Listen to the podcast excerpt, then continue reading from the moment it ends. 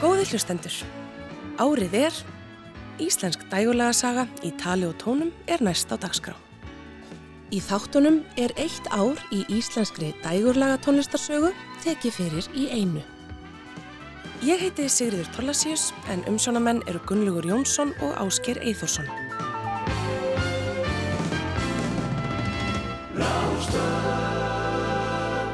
Árið er 1992.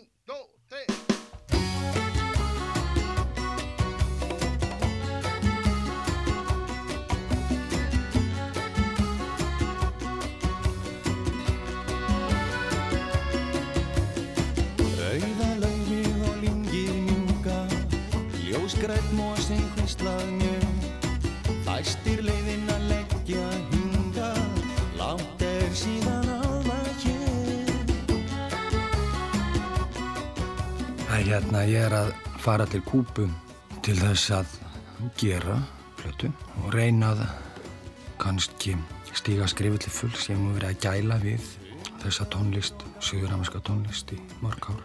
En í þetta sinn verður á stórun hluta platan byggð á þessari hefð.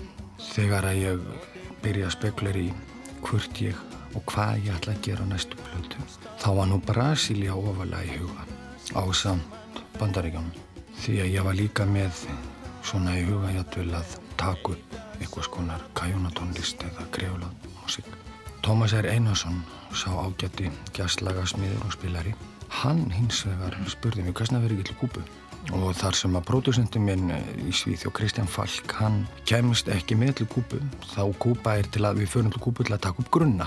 Síðan komum við heim og eftir kannski mánuð, mjög líklega í júli, klárum við plötuna hérna heima, syngjana, mixa og döbba. Þá dætt mér í huga að fá Eithór Gunnarsson með mér og Eithór ætlar að koma með og brúa þetta bil þanga til að Kristján Falk kemur til Íslands. Bubbi Mortens heimsótti Kristján Þorvaldsson í helgarþáttur ásar 2 áður en hann lagði í Viking til Kúpu til að taka upp plötuna Von. Það er skemst frá því að segja að Kristján Falk kom ekkert nálagt þessari plötu því Eithor Gunnarsson sáum að klára hana með Bubba og Óskari Páli Sveinsinni eftir heimkomuna frá Kúpu. Eithor vann næstu árin með Bubba á svipaðan hátt og Kristján hefði gert um ára bil. En Eithor kom úr jazzinum eins og Guðmyndur Ingólfsson sem Bubbi myndist í læginu Þínir löngu grönnu fingur. Sem dagur og nótt voru augun grá opinn kvíka fulla þrá sem sorgmætt haf var dugur þinn og hljómurinn óma vinur minn. Þessar sérstöku hendur og hlátur þinn og hjartað sem álfér tóninn sinn. Þetta glóð út í annað og ekkert var bannað. Og ástfangnir fingur skópu kaldurinn Það má kannski segja það að, að, að kveikjana þessu öllu sé fyrsta lagið, þínu lengu grónu fingur. Það er kveikjan af öllum þessum pakka sko. Er, þetta er lag um Guðmund Ingólfsson, pjönuleikara og ég setti það í svona í latín búning og þar fer ég svo að spekla að það væri gaman að fara til Brasilíu og búa til tónlist. En endurinn var sá eitthvað neginn að ég endaði á kúpu. Bubbi Mortens saði frá læginu þínir löngu grönnu fingur í þættinum Gemt en ekki glemt ára ást 2. Kúbanska hljómsveitin Sierra Maestra kom til landsins um haustið og spilaði á útgáðutónleikum Bubba sem haldnir voru á Hótel Íslandi förstudagskvöldið 13. november. Síðan var haldið í hljómleikaferð um landið og luku kúbönsku tónlistamenninir Íslandsdölinni á því að halda tvennatónleika á Hótel Borg um miðjan desember þar sem þeir leku engungu sína tónlist. Er nokkuð skárað líf út á landið er lömunin betri hér Er praktíst að sjúa mjók sand er hægt að synda í frjósandi hver. Þingmaður og svarið er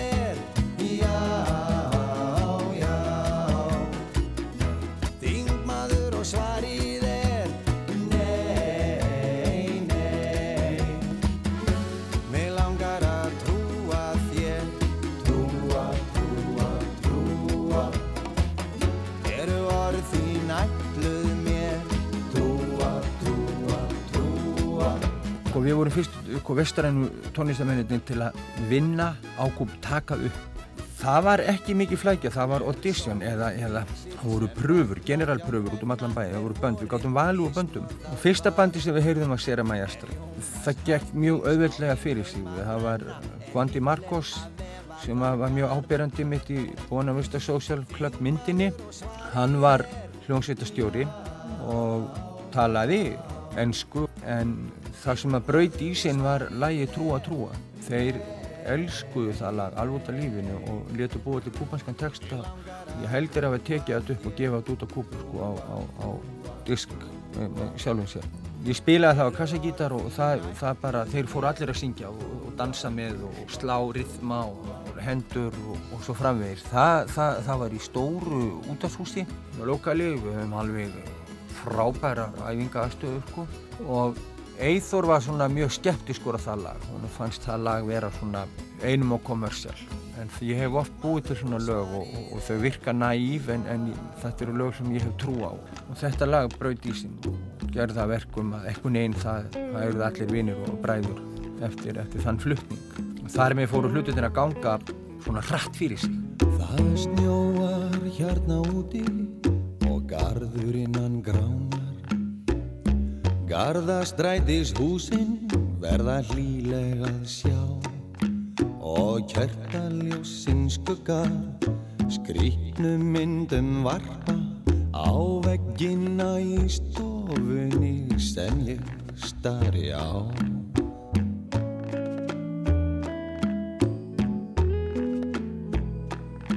Og myndirnar þær læðast lúmskarinn í hugan leggjast bak við augun og hvísla því að mér að ástinn sé augnablík sem brennir mann sinns hjarta. Í brjósti mín er eldurinn en að leika sér. Og þau svífa í kvöld snjókornin sem kossar án vara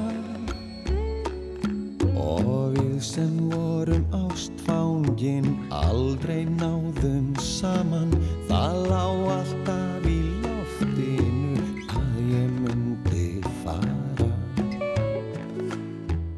Árið er 1992.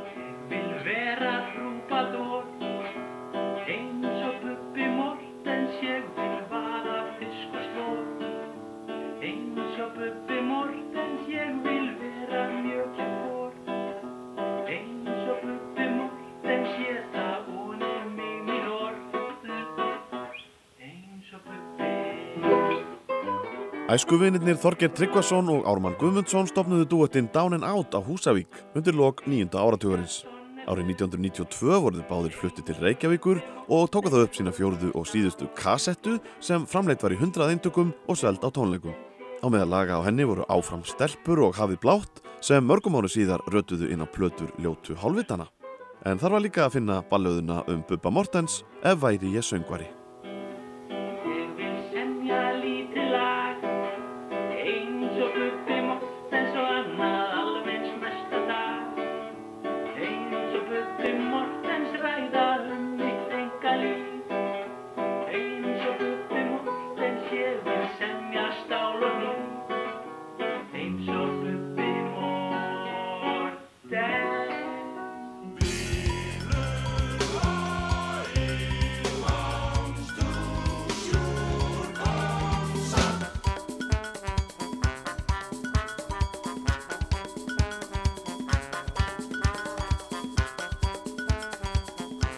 13 manna stórsveitin Jupiters var til árið 1989 og komið á 52 spilara við sögu áður en sveitin festist í sessi og gerði breyðskífuna Tja Tja í sumarbyrjun 1992. Jupiters fekk strax á sig gott orð fyrir stuð og gladværð og hljóðfæraskipaninn vakti all nokkra aðtikli. Þau hefðbundina rithmahljóðfæra eins og gítars, bassa, orgels og tromma var Jupiters skipuð hörkugóður í blásarasveit og var aldursmunurinn á yngsta og eldsta spilaranum heil 40 ár Lagið Kongasamba er gott dæmi um stöðmúsikina sem þessi merka hljómsveit framleiti.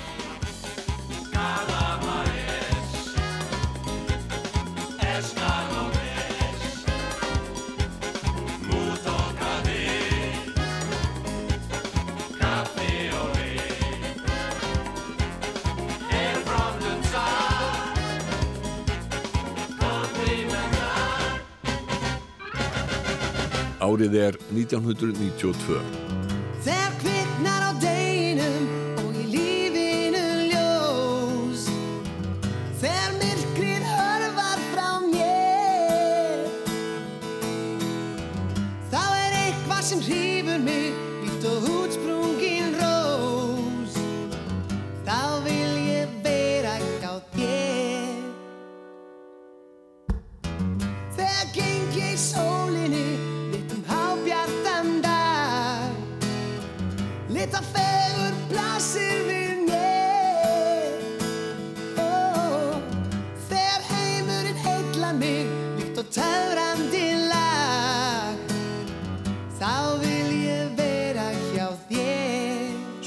1992 þá hérna, það má segja að það hefði verið kannski okkar allra vinsalasta sumar eða ár, það ár.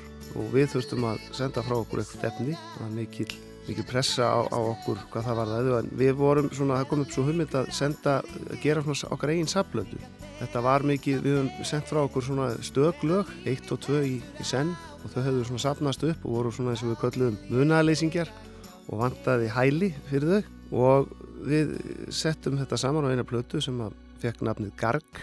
Það var nú tekið úr Ranni Péturs Kristjánssonar. En þrjú ný lög fylgdu með til þess að gera þetta svona eigulegri grip.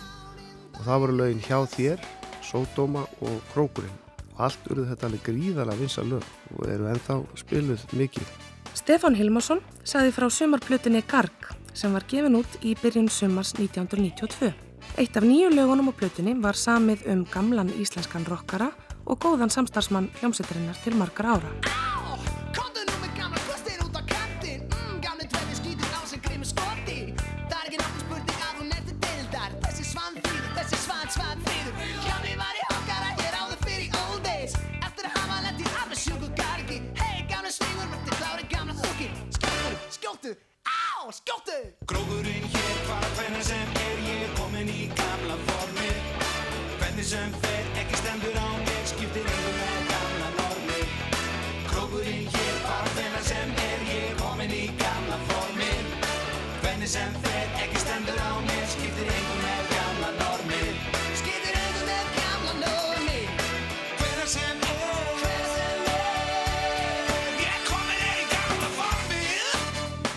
Krókurinn, það, textin í því lagi kom nú þannig til að Guðmund, þetta var nú hugmynd frá Guðmundi. Við höfum verið mikið svona, já, svona með Pétri Kristjánsinni, hann var að vinna hjá útgáfunni. Og hann fylgd okkur í þessar auðalansferðir og, og var svona bara orðin góður vinnur okkar og var náttúrulega alveg einstakur karakter og svona algjör orginal eins og kallaði. Og hafði svona sitt, nánast sitt eigi málfar, sitt eigi tungumál. Og það gekk allt út á frasa og það sög þetta í sig og Guðmundur það hugmynda hvernig var að fá Pétur til að syngja með okkur þessu lægi, viðlægi og við skulum hérna, byggja textan á, á frösum eftir hann.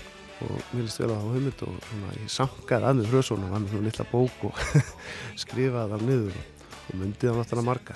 En textin er náttúrulega bara eitthvað samhengisleisa og hérna bara búið til úr ímsum frösum, úr ímsum áttum úr barka Péturs. Ég komin í og endurkoma ásins 1992 í íslensku tónlistarlífi, Pétur Kristjánsson. Lægið var reysasmellur og Pétur fylgdi sveitinni á velvalin sveitaböll um sömarið. Á einu slíku, í Njálsbúð í Vesturlandegjum, var Rástfjö á svæðinu og hér heyrum við Steppa Hilmas kynna Pétur til leiks og þeir telja svo í vel þekktan hittara eins og Pétur hefði orðað. Á sviði stígur, engin annar en PWK eða Pétur Kristjánsson!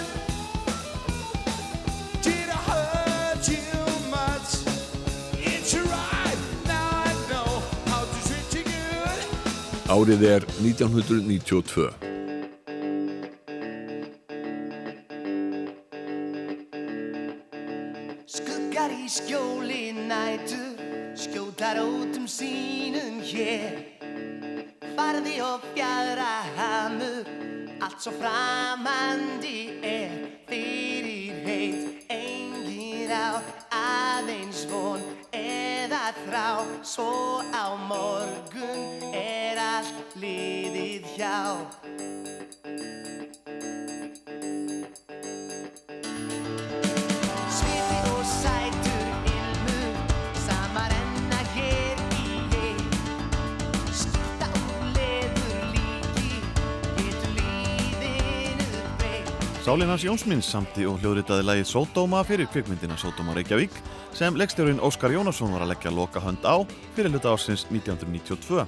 Uppalega hugmyndin var að Sódóma sálarinnar myndi vera aðalagið í bíómyndinni en að lokum var horfið frá því en hvers vegna? Óskar Jónasson, leikstjóri, svarað því. Hugmyndin var að það erði loka lægið í myndinni undir kreditlistanum. En svo kom upp flækjur, útgefandaflækjur vegna þess að í þá daga voru tveir stórir útgefundur á Íslandi og það var annars vegar Skífan og hins vegar Steinar Berg og, og lægið, sem sagt, eða sem sagt hljómsveitin reyndist vera vinnandi fyrir Steinar á þessum tíma og það flækti allt fáránlega þannig að á endanum var læginu fundin staður snemma í myndinni í útvarpi og, og það var bara búið til annað lag fyrir ending sem mér finnst synd því að þetta er snilda lag og átti að vera hann í lúkin.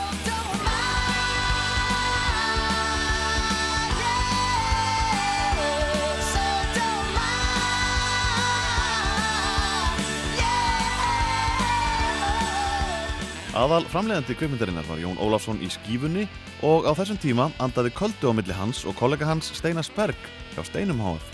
Kvikmyndin var frumsýnd um haustið og fekk frábærar viðtökur. Björn Jörundur leik aðalhlutverkið og kom það mörgum og óvart enda var hann óvanu því að koma fram sem leikari á þessum tíma. Það voru pröfar hans sem margir, veit ekki hvort ég var að nefna neina nöfn, fullt af frægu fólki í dag. Ég hafði séð Björn í uh, einhverjum pop þáttum hérna, þar sem hann var að kynna pop myndbönd og mér fannst bara eitthvað mjög óutreiknalegt og fyndið og skemmtilegt við hann. Og maður hafði náttúrulega séð hann svona á sviði hér og þar en hann kom bara eins og aðrir í pröf og, og, og mér fannst hann smetla frá, frá byrjun. Já, það er, er, er eitthvað dögulega fyllt af baka í hann á front. Hljómsveitin Ham spila stóran þátt í Sódómu Reykjavík auk þess sem fórsprakki sveitarinnar Sigurjón Kjartansson samtir hluta tónlistarinnar í myndinni. Lægið Partibær hljómar í bíómyndinni en það hefði verið á tónleikadagskrá Ham í nokkuð tíma þó það hafi ekki komið út á plötu fyrir en platan með tónlistinni úr myndinni kom út.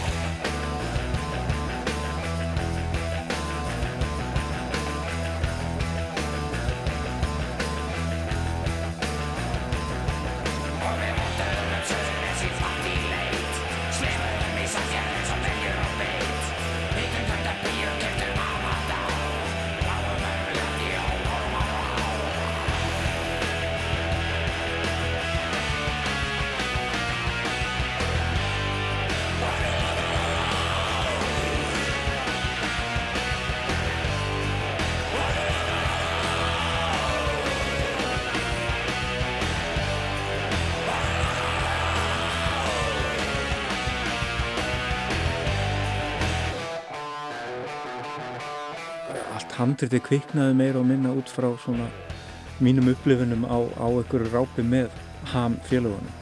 Þeir voru mikið að spila þarna, ég held að það heiti Abracadabra eða eitthvað leys hérna uppi við hlem og það er einmitt svona aldrei augljós fyrirmynd að skemmtistaðanum Sódóma og allt þetta líf í kringum ham, svona baksviðs upplifanir og, og, og partíinn og, og allt bullið var mjög inspirerandi og já, já, ham var með í myndinni alveg frá upphafi.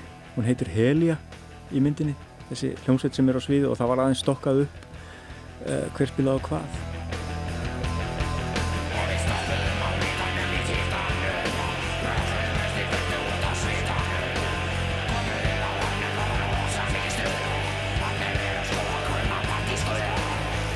Hljómsveitin Ham og rocksmellurinn Partibær. Það sem ekki fegst leifi fyrir því að Sódóma sálarinnar erði aðalag myndarinnar voru K.K. og Björk leitt saman þau fenginn til að taka upp aldraðan slagara á Borg mín borg sem Haugur Mortens samti við texta Vilhjáns frá Skáholti. Soundtrackið er mjög fjölbreytt. Það, það er svona ákveðin ferskurður af því sem að vera að gerast þá. Og bara það til dæmis að, að Björk og Káka skulu syngja saman loka lagi sínir fjölbreyttina á litrófið. Samt svolítið fríkað að þau hittust ekkert. sungu þetta svona í sikkur lægi sko. en það hljómar eins og þau séu bara horfandi á hvort annað meðan þau er að syngja þetta en það var, það var einhvern veginn þannig að þau gátt ekki komið á sama tíma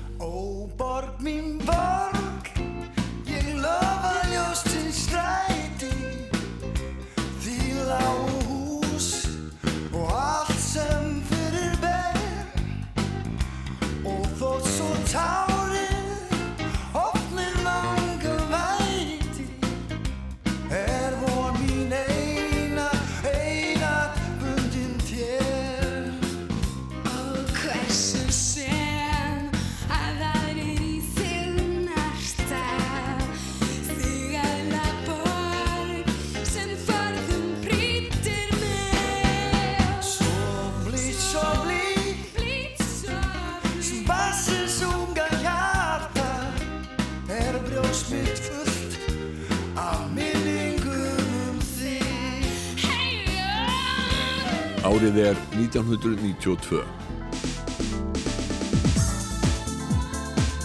Veggfóður, erotísk ástarsaga, fyrsta kvikmynd leikstjórnans Júliusar Kent, var frumsýnd haustið 1992. Þungamiðja myndarinnar var hinn síkildi ástar þrýðningur, þar sem vinirnir Lass og Sveppi, leiknir af Baltasar Kormáki og Steini Ármanni Magnúsinni, takast á um hilli saklausu sveitastúlkunar Sólar, sem Ingi Björg Stefánsdóttir leik og var þetta einni fyrsta bíómynd þeirra þryggja. Vegleg sapplata með tónlistinni úr veggfóðri var gefin út þar sem hljómsveitin eins og Sálinans Jónsmíns, Síðan Skein Sól og Tóttmóbíl áttu lög en uppi staðan var tónlist Piece of Cake en það tengdust hljómsveitameðlimir myndinni sterkum böndum. Július leikstjóri, Ingibjörg aðal leikona og Móni Svavas sem samti tónlistina við myndina. Hér syngur Ingibjörg lagið Fyririldi og ljó.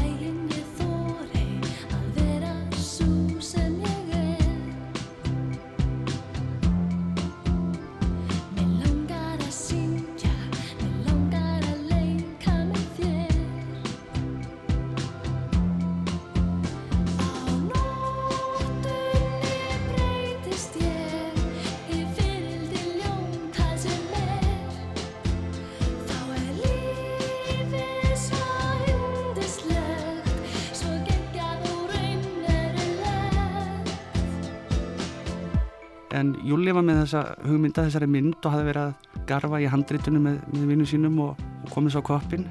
Lítið um pening og annað þess að þar. En það sem aðal personan átti að vera að koma úr sveit og reyna fyrir sig svona í borginni og langaði að komast í hljónsitt á einhvern veginn hendaði þetta allt saman og það var úr að ég samti tónlistina eða kvikmyndina sem byggðist upp á svona dans, danstónlistar svona stefjum hér á þærri myndinni og Piece of Cake var síðan svona aðal númerið í myndinni kemur fram í lokinu og þar nær hún að slá í gegn í myndinni með þeirri hljónsitt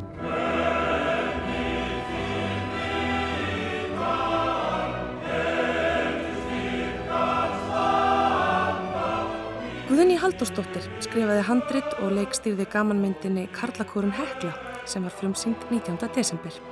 Myndin hefst þegar kórin æfir fyrir hljómleikaferð til Svíþjóðar og Þýskalands en þegar þýskur stjórnandi kórsins, Max Werner, fær hjarta áfall og deyr, hleypur Egil Ólafsson í skarðið og tekur við stjórninni.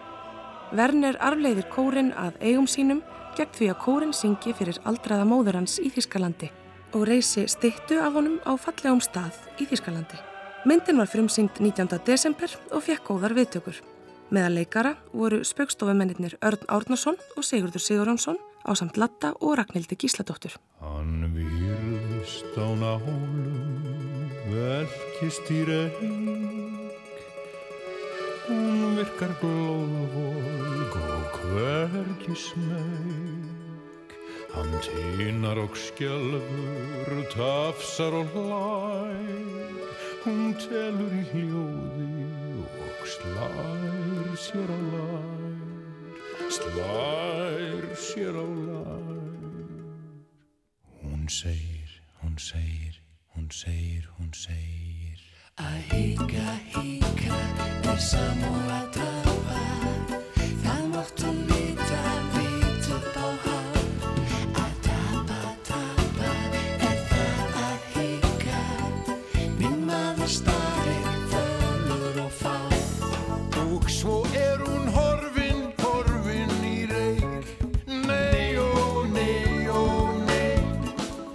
Egil Ólafsson gerði aðra sólaplötu sína í kjölfar velgengni plötunar Tiva Tiva og platan Blátt Blátt kom út undir lok ásins 1992.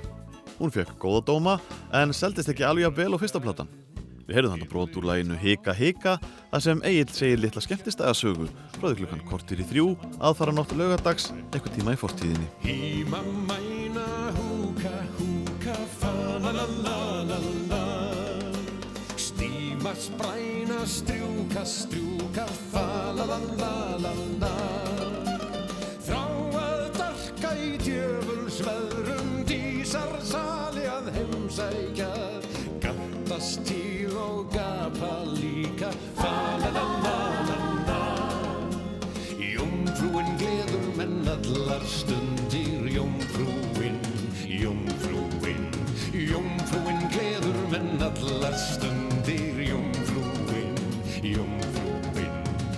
Árið er 1992. Ragnhildur Gísladóttir stundaði nám í Lundunum á meðan Jakob Fríman Magnússon syngti starfi menningarfulltrúa við Íslenska sendiráðið. Ragga notaði tíman til að gera sína fyrstu sóloplötu, Rombiki. Hún naut aðstóðar Hilmars Arnar Hilmarssonar sem setna varð allserjakóði en hann hafði meðal annars unnið með Megasi og Bubba Mortens. Þrjú lagana voru á íslensku en hinn sungin á óskiljanlegu tungumáli sem Ragga þróaði og það vakti líka aðtikli að ekki heyrðist einn einasti gítartók á plötunni.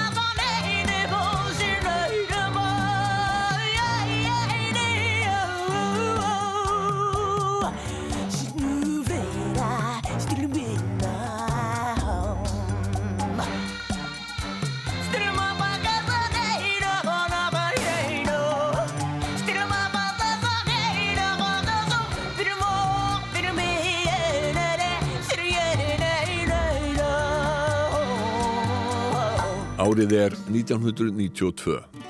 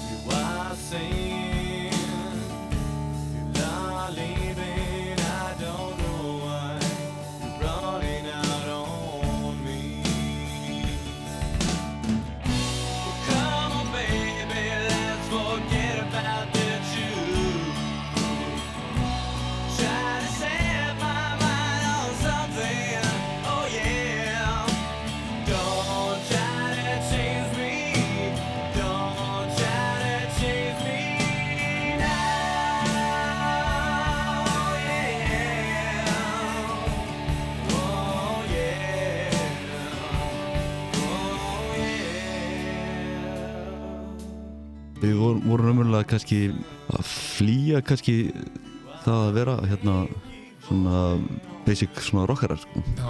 Þetta var það sem vorum að gera fannst okkur vera eitthvað nýtt fyrir okkur sko. Já, þeir náttúrulega komið allir úr svona þungarokk steilt en ég man að það voru margir mjög hissa þegar þeir slúðu gegnum það með reynlægið þetta var mjög svona öðruvís og skrítið miða við ykkur það voru svona alvöru þungarokkar og komið svona eitthvað, wow, næs og rólegt, hippalag Já þetta, það var, það var bara einhvern veginn meiri svona meiri augrun í því að prófa prófa eitthvað annað heldur en lág svona kannski beint fyrir manni. Svo var hann líka bara móta, mótaðist dálítið af því að ég, við byrjum bara tveir, ég og Palli. Vorum, já fyrsta halva árið tveir og svo bætist Jón Örn við trómuleikari og erum þá bara með kassagítar og hérna þannig að ég held að svona rockið af því sjálfkrafa eh, þróast út í svona melodískara efnið en þess að kassagítar og, og söngur hefur einhvern tendensa í það. Ég held að þessi svona dálítið skýring líka og Deep Purple kemur hérna líka stert inn og það er kannski fáum við uh, Hammond áhugan sko og reynda Pétur Kristjáns á- átti hérna stóran þátt í að komið þá hugmynd inn og hérna hann hérna er sérst sá sem uppgötar hljómsundina eða þannig sko. Fyrstur sem kemur og sýnir þessi raunverulegan áhuga sko. Þetta var svo mikið tabú að syngja á ennsku sko það vildi ekki, við varum svona lokað á okkur sko. Strax og hann opnar fyrir okkur þannig leið sko inn í sitt fyrirtæki á sínum tíma. Gunnar Bjarni Ragnarsson sagði Frey Eyjólfsinni frá upphafi hljómsveitarinnar Jet Black Joe í útastættinum Gemtir ekki glemt á Rás 2 frá árinu 2006. Hljómsveitin fauk með miklum stormi inn í íslenska tónlistarsumarið 1992 með sínu fyrsta lægi, Reyn, sem hljómar hér undir. Bakgrunnur flestra meðlima var í harðara rocki en þarna var komið band sem sótti í gamla hipparokkið og þeir félagar fór ekki lengt með að þeir voru undir áhrifum frá trúbróti. Auk Gunnar Bjarnar gítarleikara og Páls Rósingrans söngvara skipuðu þeir Jón Örn Arnarsson trómuleikari, Rapp Tórótsen orgelleikari og Starri Sigurðarsson bassarleikari hljómsveitina Jet Black Joe.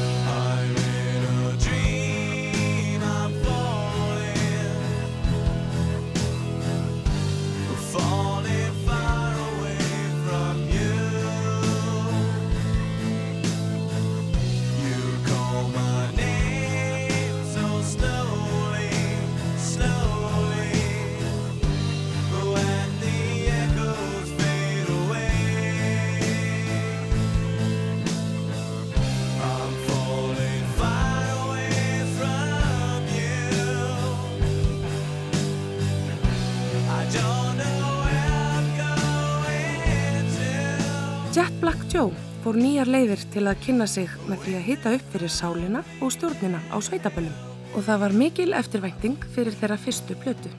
Eithor Arnalds var upptökustjóra plötunni sem var samnemnd hljómsveitinni. Þeir komu, komu til mín eftir að vorum að spila tónleikum Dóttnabíl, eh, Gunni og, og, og Palli eh, hérna, og, og, sungu fyrir mig tvö lög og hérna annað þeirra var reyn og spurði hvort að ég hefði einhvern áhuga að skoða þetta og koma þessu framfæri og, og ég gerði það með gleði og, og kynnti þá fyrir Pétri Kristjánssoni sem að var, var svona með sína hlýðarútgáfu hjá steinum og, um, og það bara var við mannum vælt að menn voru hrifnir af þessu og, við fórum að stað að taka þetta upp en þarna, þarna fór ég inn í þetta með allt örum huga heldur en til dæmis unnun eða, eða tóttumabíl að, um, að vinna þetta miklu hrára og kannski mun hrára heldur en hafði verið gert um ára bíl í íslenskum stúdíóum. Við erum að koma út úr 80s þar sem að var verið að, að, að taka upp með miklu reverbi og, og svona öllu pródúsöruð og, og niður köntuðu en þarna prófaði að taka upp til þess trómusett bara með einu mikrofón sem var langt í burtu frá trómusettinu. Fylla lítið herbergi af mörgum stórum mögnurum og láta herbergið hljóma með. Hluti sem kannski meira var gert svona 1960 eitthvað. Og, og hérna útkoman passaði hljónstunni gríðarlega vel og ég held að fyrsta platan er sérstaklega með hana Jet Black Joe piltar voru ekki bara rólegir og melodískir. Þeir kunnu líka heldur betur að rokka eins og í upphafslægi fyrstu plötunar Take Me Away.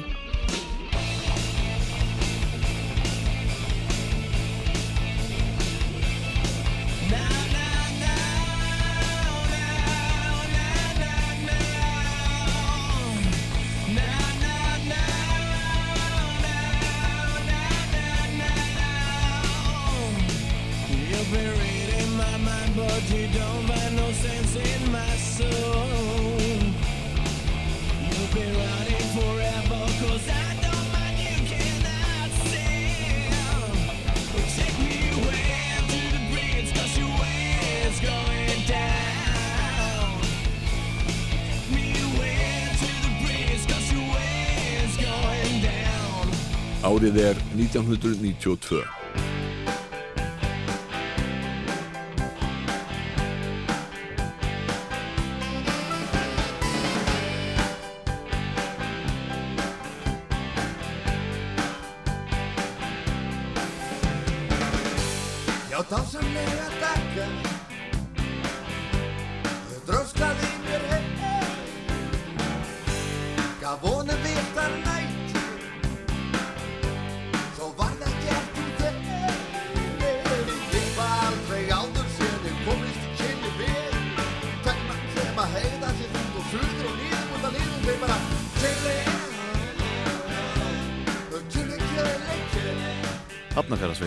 Piltar kvatti sér hljóðs 1988 með plötunni Einstæðar mæður og það liði fjögur ár þar til plattan Blái höfrungurinn kom út, förstu daginn 13. november 1992 sem fyrir var græskulöst gaman aðalsmerki þessara pilta sem voru þjóðþektir leikhús og fjölmilamenn þegar plattan kom út.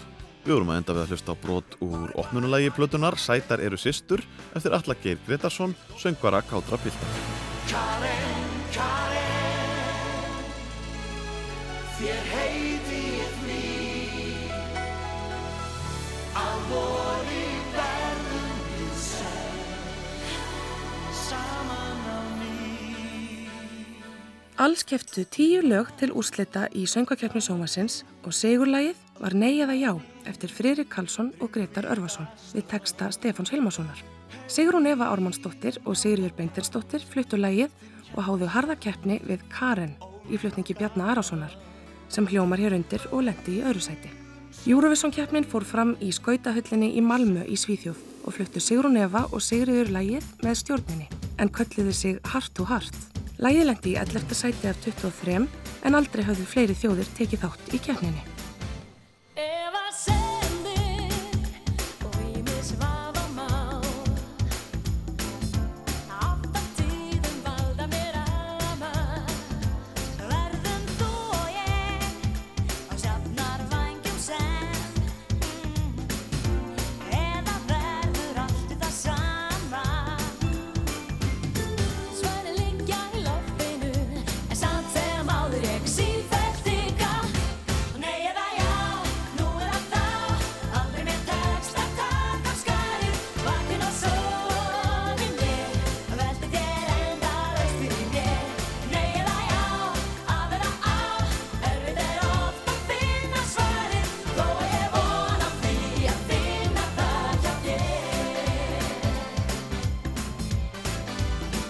Árið er 1992.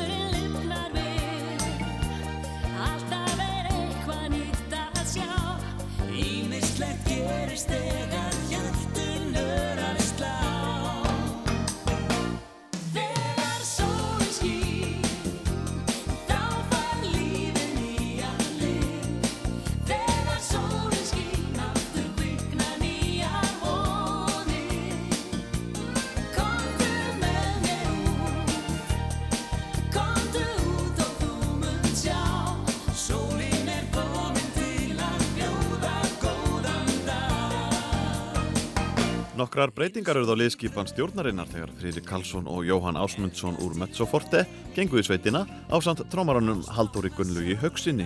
Friðrik kom sterkur til leiks og varð helsti lagasmiði stjórnarinnar og setti mark sitt á næstu blötu sem kom út sumari 1992 og var samnumd sveitinni. En þar átti Stefán Hilmarsson söngvari sálarinnar nokkuð texta. Við heyrðum hins vegar brot úr læginu Þegar sólinn skín eftir Gretar Örvason við texta Kristjáns Hreinssonar.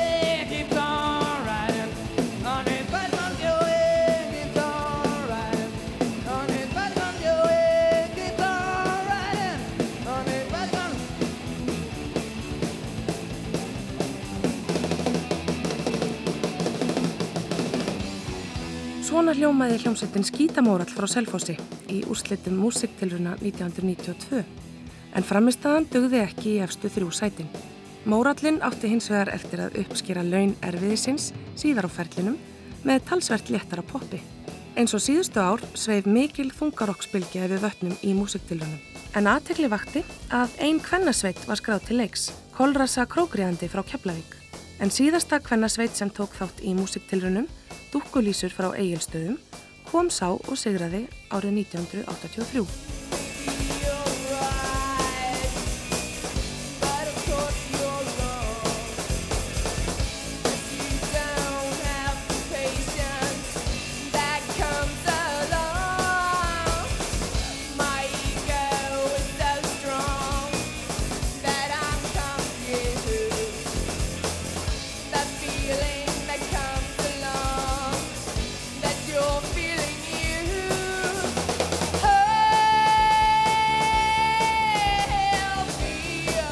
takið þátt í músiturunum 92 Mhm. og Sigrið. Já, öllum á óvöru. Já, þetta var alveg svakalig tragiki af, af því að sko trommuleikarinn í hljómsveit hljómsveitinni sem var í öðru sæti hún skráði okkur, hann skráði okkur í músitilunir Þetta átti að vera válega djók og við áttum, að koma fram eitthvað bara haha. Þetta allar að hlæja. En við bara rústuðum og það er ekki ennþá búið að fyrirgefa okkur. Ég held að það sé ennþá undirtótt sem Já, er bara, oh, djústelpur. Nú, var eitthvað reyði? Eða... Það er mikil reyði. Já, við rústuðum döður okkur. Við rústuðum döður okkinu. Já, þið voru á þessum tíma þar sem að voru eiginlega bara döðarokk hljómsveitir Mhm. að Já. keppa og þetta var nú bara svona, þetta var svona svo ferskur andblær bara. Menn voru að vera á því galnir á þessu döðarokki en, en ég menna þið komum með eitthvað nýtt, þetta var svona nýr tótt. Já, allir það ekki bara. Án þess að plana það, þá tókst okkur einhvern veginn að koma hann inn með eitthvað allt annað. Elisa Njúmann og Sigrún Eiríksdóttir rifið upp sögur af Kolrössu Krókriðandi í þættinum Gemt en ekki glemt á Rás 2. Hljómsveitin var stopnud í Keflavík í byrjun ás 1992 og kvartettinn sigraði með glæsi bragi í músiktilunum sama ár og gerði í framhalda því plötusamning við Smekkleysu um sex laga skífu sem fekk nafni Drápa. Sigrún Eiríksdóttir spilaði gítar, Ester Ásgeisdóttir blokkaði bassa, Birgitta Vilbergsdóttir trommaði og Elisa Gersdóttir Njúmann söng og spilaði á fiðlu.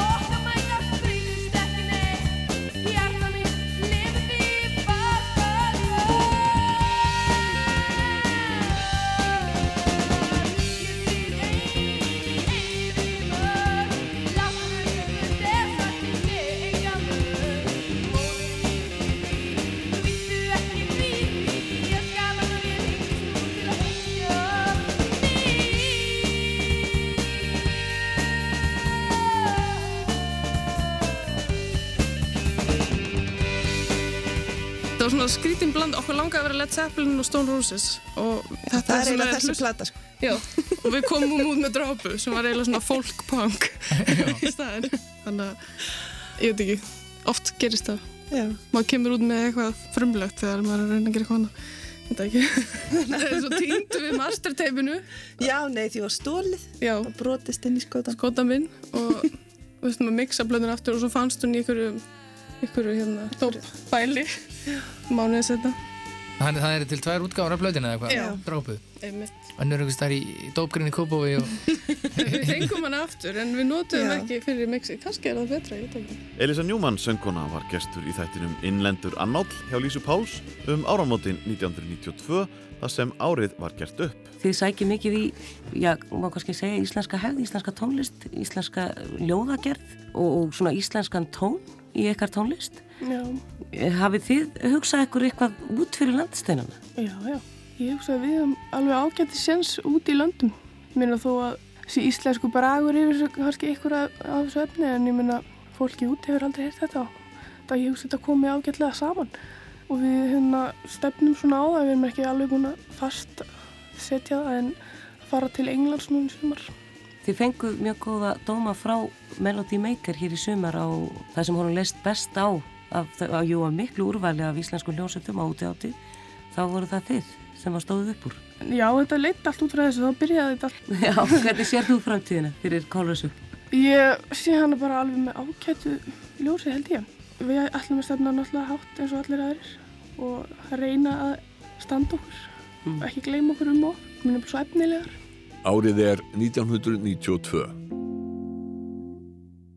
Hljómsveitin Pandora frá Keflavík átti sér stóra drauma um að fara til Bandaríkjana og reyna að meika það. Piltarnir ákváðu að sapna sér í sjóð með því að spila tónlist Led Zeppelin, Deep Purple, Hendrix og Cream á tónleikastöðum og breyttu nafninu á hljómsveitinni í Deep Jimmy and the Zepp Creams. Það gekk upp, sveitin naut vinsalda og þeir náðu fljótlega takmarkinu. Haustið 1991 fóruð til New York með vonum að koma sér á framfæri og ákveðið var að halda Deep Jimmy nafninu. En hvað voru strákarnir með í höndunum þegar lagt var í hann til New York? Sigurður Eiberg söngvari. Ekki neitt, ekki neitt sko, alveg bara fáránlega mikið ekki neitt. Við förum út, við erum með þessa peninga, það er það sem við erum með og það er náttúrulega alltaf nóg í Ameríku bara að eiga pening sko. En, hérna, en þetta voru engin risa sjóðir, við, við vorum búin að rekna það út held ég að við gætum verið þarna í þrjá mánuði. Eina sem við vorum með var, jú það var það sem við vorum með, höndunum. við vorum með eitt, eina kassettu sem að voru nokkuð lög á sem að við höfum tekið upp sem var hvort demo sko. Til að byrja með gekk illa að fá inni á tónleikastöðum í New York. En eftir mánuðið eða svo var Deep Jimmy and the Sepp Creams farin að tróða upp í borginni og fljótlega fór að bera útsendurum frá plötufyrirtækjum á tónleikum þeirra. Svo gerist það allavega að það er komið, hérna, það er komið hérna, fyrirtæki eru mjög, mjög heitt, svona stórt fyrirtæki og við förum og, og spilum að okkur um litlum stað og svo við að fara hérna að soundtesta eða eitthvað og þá kemur ekkert hljóð í kerfið og þá segir bara gæðin sem á staðinu nei, það er, er ekkert fólk komið, það er ekkert fólk með ykkur ykkur er ekki með ekki að taka neitt krát ég fá ekkert að spila enda með því hann þurfti að borga hann um 200 dólar á sko til þess að lega okkur að spila til að fá sound á kerfið. Af því að þá kom sem sagt hérna, þá var búið að koma eiginar gægin og svo head of eigindar og, og svo kemur sem sagt var fórsett í fyrirtækisins að koma sko. Og þeir verða bara ástæðlarhifnir og, og, hérna, og það er bara gengið frá samningum þarna í raun og verið, það er svona munlugum samningi bara við, fórsetin segir bara ég vil fá það á, á, á okkar, okkar hérna leifur. Plötufyrirtækið var Atco East West undir merki Warner Risans og strákarnir fóru heim Sigri Hrósandi með munlega samning um plötuútgáfu í bandaríkjónum. Það liður svo tveir mánuði þannig til samningurinn var undirritaður og ákveðið var að platan sem fekk nafnið Funky Dinosaur yrði tekin upp í New Jersey. Við heyrum lægið Móns af plötunni hljóma hérna undir en í samningnum átti Deep Teamy að fara á tónleikaferð til að fylgja plötunni eftir. Þegar farið verið að ræða hvaða hljómsveitir henduð best til að hita upp fyrir breyttist hins vegar andrúfsloftið hjá útgáðufyrirtekinu skyndilega. Og svo kemur það upp dúrnum að hérna, það virðist vera að þessi gæi sem að í sjálf sem finnur okkur John Murvos að hann sé einhvern veginn fallin í ónáð innan fyrirtækisins og þá er náttúrulega ekki gott fyrir þá sem er eitthvað að reyna ídunum út að við séum sko eða að böndin hans sé að, að þeim, þeim sé að ganga vel sko. það náttúrulega styrki stöða hans innan fyrirtækisins þannig að það sem er gert er að það er svona hluti sko, það allt í nú er bara allt í nú fer allt í eitthvað síróp með, með þessi bönd sko í staðin fyrir náttúrulega það sem við hefum átt að gera. Við vorum með, með sko aðra plötu garantera fyrir, hjá fyrirtækinu sko og, og svo með, með option með fimm aðra í mandarétt sko í, í samkvæmt samningi. Í staðin fyrir að bara býða þetta á okkur og sjá hvað gerist og halda bara fram að spila og halda bara okkar striki sko. Þá verðum við svo pyrraðir að við séum ekki að fara á þennan stóra túr sem við vildum vera að fara á sko að við segjum bara, heyrðu, já, við bara, fyrir það bara, við bara riftum samlunum, við erum ekkert með þetta, geta það, sko, og gerum það. Og fáum bara að, hérna, ykkur svona skadabót fyrir að þeir var ekki að standa því samningin í raun og vera, því þeir voru ekki að setja okkur á túr eins og umvapsamið og...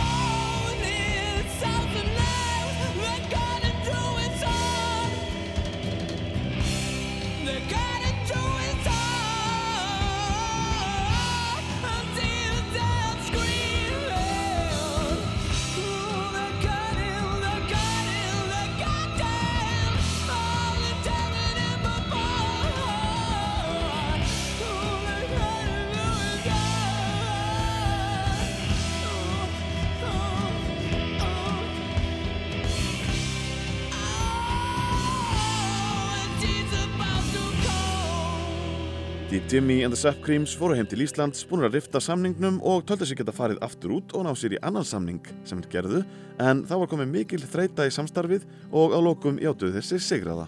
En telur Sigurður, eftir á að higgja, að þeir hafa verið rétt hljómsveit á réttum stað með þessa plötu. Ég held það já, við vorum alltaf bara 19 ára sko, við gerum fullt af mistökum sko og, og hérna, já, engin spurning. Ég held að við höfum geta, geta, geta gert þetta miklu, miklu betur og, og, og verið á miklu betri stað, sko, með þetta. En, en ykkur sagði mér að ykkur í bladi og það var nú í New York Times þegar ég heyrði söguna, það getur nú verið búið að hérna, gera það eitthvað pregnant, sko. Að sko það hefur verið við og Nirvana og Pearl Jam sem að voru sko hérna ykkur bladamæður sagði þetta eru böndin til að fylgjast með sko sem voru nefnd svo náttúrulega verður Nirvana Pearl Jam alveg hjút en við förum bara heim. Þannig að hann var með 67% nýtingu þessi bladamæður sko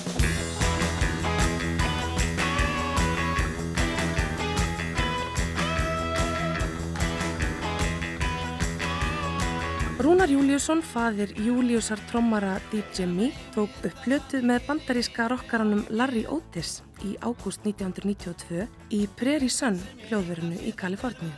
Larry og Rúnar kynntust þegar sá síðanemdi gengdi herþjónustu hér á landi á árunum 1965 til 1966.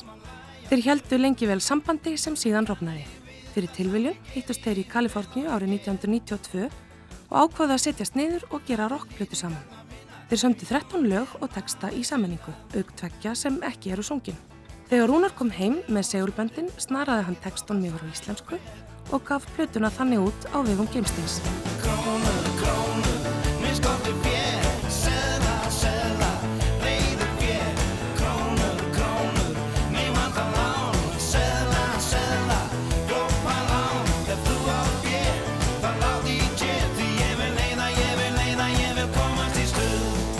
Árið er 1992. 20 ár voru liðin frá því að Magnús Þór Sigmundsson og Jóhann Helgason sendu frá sér sína fyrstu plötu.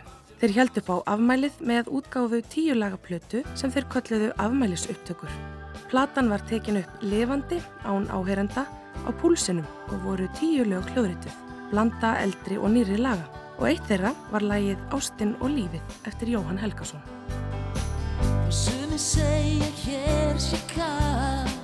Hér sé kall og setji út á næstum að ég kýs ástin og allt sé hverfult í heimi hér svótal margt sem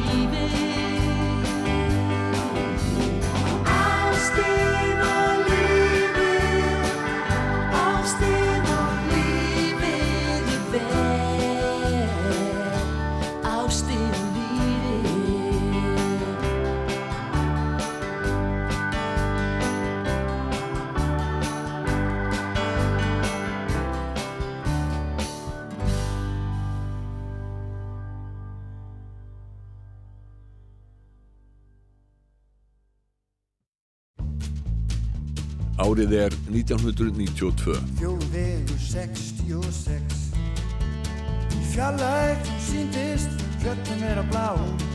Fundu hvorki sjálfa sinni eitthvað sem þau frá. Á þjóðvegi 66 Ó, þjóðvegi 66 Manneskjur og flótta Allstaða og ferði gegnum New York og Disneyland. Og nýðar þessi með Allir beigði vestur, held í sömu átt, sátu upp á plassinu, það hafði engin hátt. Á tjóðvegi 66 Leikfélag Reykjavíkur frumsýndi leikritið Frúur reyðinar í leikjarð Franks Galantis sem byggði á samnefndri skáldsögu Nobelskáldsins John Steinbeck um ill örlög almúafólks í bandaríkjunum sem flosnaði upp á jörðum sínum í kjölfar þurka og kreppunar miklu á fjórða áratug 20. aldar. Kjartan Ragnarsson og Óskar Jónasson byggðu nýja þýðingu á upprunalegri þýðingu Stefáns Bjarmann og aðlöguðu hana fyrir leiksvið. Þeir vildu hafa bandaríska alþjóðutónlist í síningunni en þar sem leiksýningin var aðlöguð að íslenskum aðstæðum lág beinast við að textarnir væri á íslensku. En hvernig stóða því að Kristján Kristjánsson tók að sér að flytja tónlistina á sviðinu í borgarleikosinu? Kristján sagði söguna í þættinum Pálsson og Littli hér á Rástfö. Kjartan Ragnarsson var að vinna með honum Sela, langa Sela og byggður hann að gera tónlist í þrjú reyðinar og Seli segir já þakka ég fyrir Kjartan minn en eh, ég myndi uh, vilja frekar og myndi velja Kristján Kristjánsson, Káká, hann uh, gera góða hluti og þeir e- eitt kvöldið þá eru mættir Kjartan, ég vissi hver Kjartan var og, hann kom, var mættur hann á púlsinu eitt lögutaskvöldið Herju Kristján, eina, erst þú ekki bara til í að gera tónlist við, ég er að fara að gera leikrit hérna þrjú reyðin eftir Steinbeck, erst þú ekki, erst þú ekki bara til í að gera tónlist og ég horfði á hann og hugsaði óleitt fíbl er þetta. Að vera að byggja mig um þetta og hann getur sjálfur sér um kent og ég, segi já. Og svo fórum við í borgarleikúsi sem var þá alveg nýbyrjað og það var hérna leikfélag Reykjavík og nýttekki við þar og við fengum uh, plássan og vorum í þrjá mánu að, að vinna í þessu. Og kjartan sagði við mig þú getur alveg sami bara uh, hérna, tekst á íslensku. Nei það get ég ekki, ég aldrei gert það að segja jú, já, það er ekkert mál.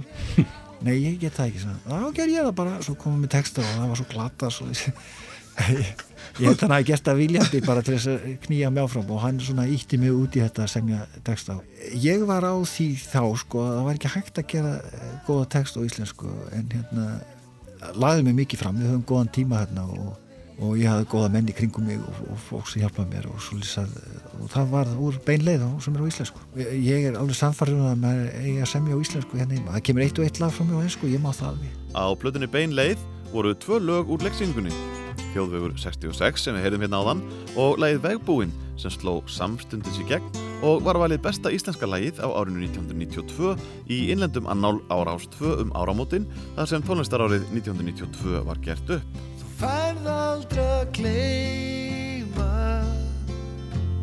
Þegar ferðu á stjá Þú átt hvergi heima nema veginum Með ángur í hjarta og dyskunar mó Þú ferð þína eigin ótróðnu slóð Vegbúi, sestu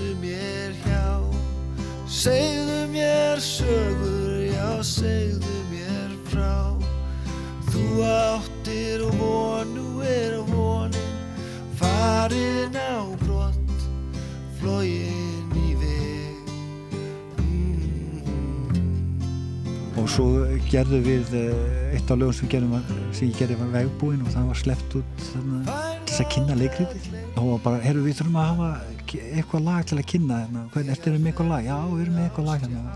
tökum upp hjá Bóa hérna.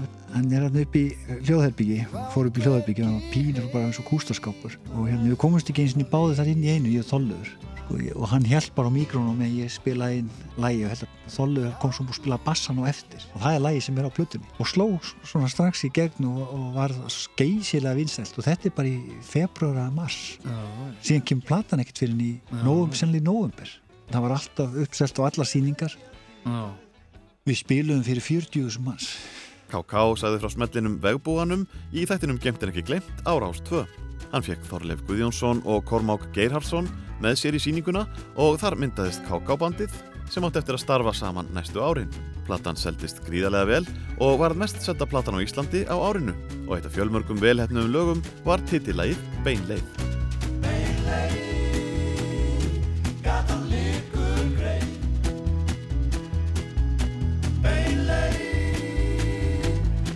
liggur greið kostar svít og blóð að fara þessa slóð Ég var að vappum bæinn, það var um miðjan daginn. Sá fullt af kynja verum undir himni berum. Viltu heyra? Ljáðu eina, heyrðu meira. Það kostar svít og blóð að fara þessa slóð Árið er 1992. Það var hérna til Já, svona byrjaði manni hérna eftir ball í hérna Freyvangi Já, já. Út í rútu, það sem að Eyjó byrjaði að hérna, rappa grein eftir Flosa Ólásson Já, Haffi kom með eitthvað svona Haffi kom með bít, já. Kom með eitthvað bít Hann hafði lært á þetta í Boston að, gera svona trommubít með munum. Þetta var svona bara djam svona sem að síðan já, fór alltaf lengur og lengra sko og endaði bara með því að við ákvaðum bara að gefa þetta út sko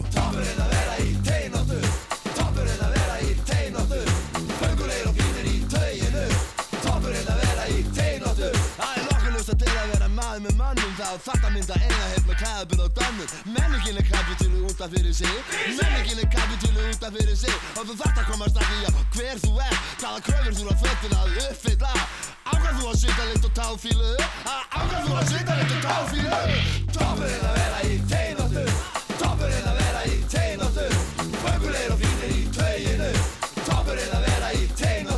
Þessi fransi toppurinn að vera í teinóttu, var það úr þessari greinist að Flosa Ólafs eða? hann, hann tók þetta upp eftir hérna önnu hérna, Já, já, já, hann var að um já. hana Já, sko. alveg það var eitthvað já. þannig Já, það var svoleiðis, já. Anna útlit, hún var, hafði verið að hérna, fjalla um það að þetta væri toppinu í teinóttu það má einmitt hérna heyra held ég hérna rödd Já, henni samplað hann í læginu, já. Og við fengum Eithor þetta með okkur sem gerði þetta lag. Og hann, þarna var öllu sampla bassan og sampla og Það var þetta var, þetta var tæknin að ég hefði innreysina, GSM símadnir og, og hérna, telefakstækin og hérna það var bara, maður mað söng bara eitt tón bara toppinu vel teimt og svo bara þurfti maður ekkert að gera það. Nei, maður mætti bara mínútur. Helgi Björnsson og Jakob Smári Magnússon rifjuðu upp hvernig lagið Toppurinn var til. Lagið var gefið út á tveggjalaga geislaplutu sem fylgdi með blaði sem sveitin gaf út í dagblasbroti fyrir jólinn 1992. Hitt lagið var Blóminn þau sofa. Þeir ákvaðu einnig að stýtta nafn hljómsveitarinnar úr síðanskein sól í SS Sól. Hljómsveitin eitti árinu í að undibúa plötu fyrir erlendarmarkað sem að endingu var aldrei gefin út. Árið er 1992.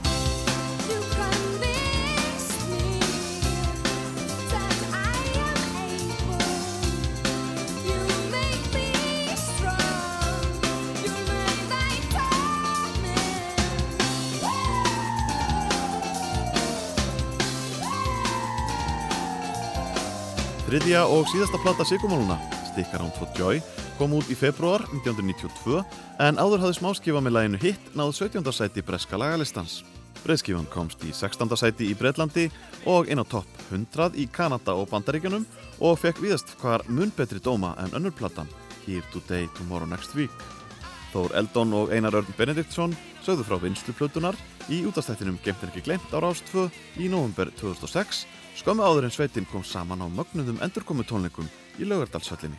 hún er bara ö- unnin allt, öðruvísi, sko. þá fórum við í, í, í upptöku búðir í Bersvill og vorum þar í einhverja þrjár vikur að vinna með pródúsenti sem átti að, Paul Fox sem átti að setja þetta í, í form og vera með öfluga verkstjórn.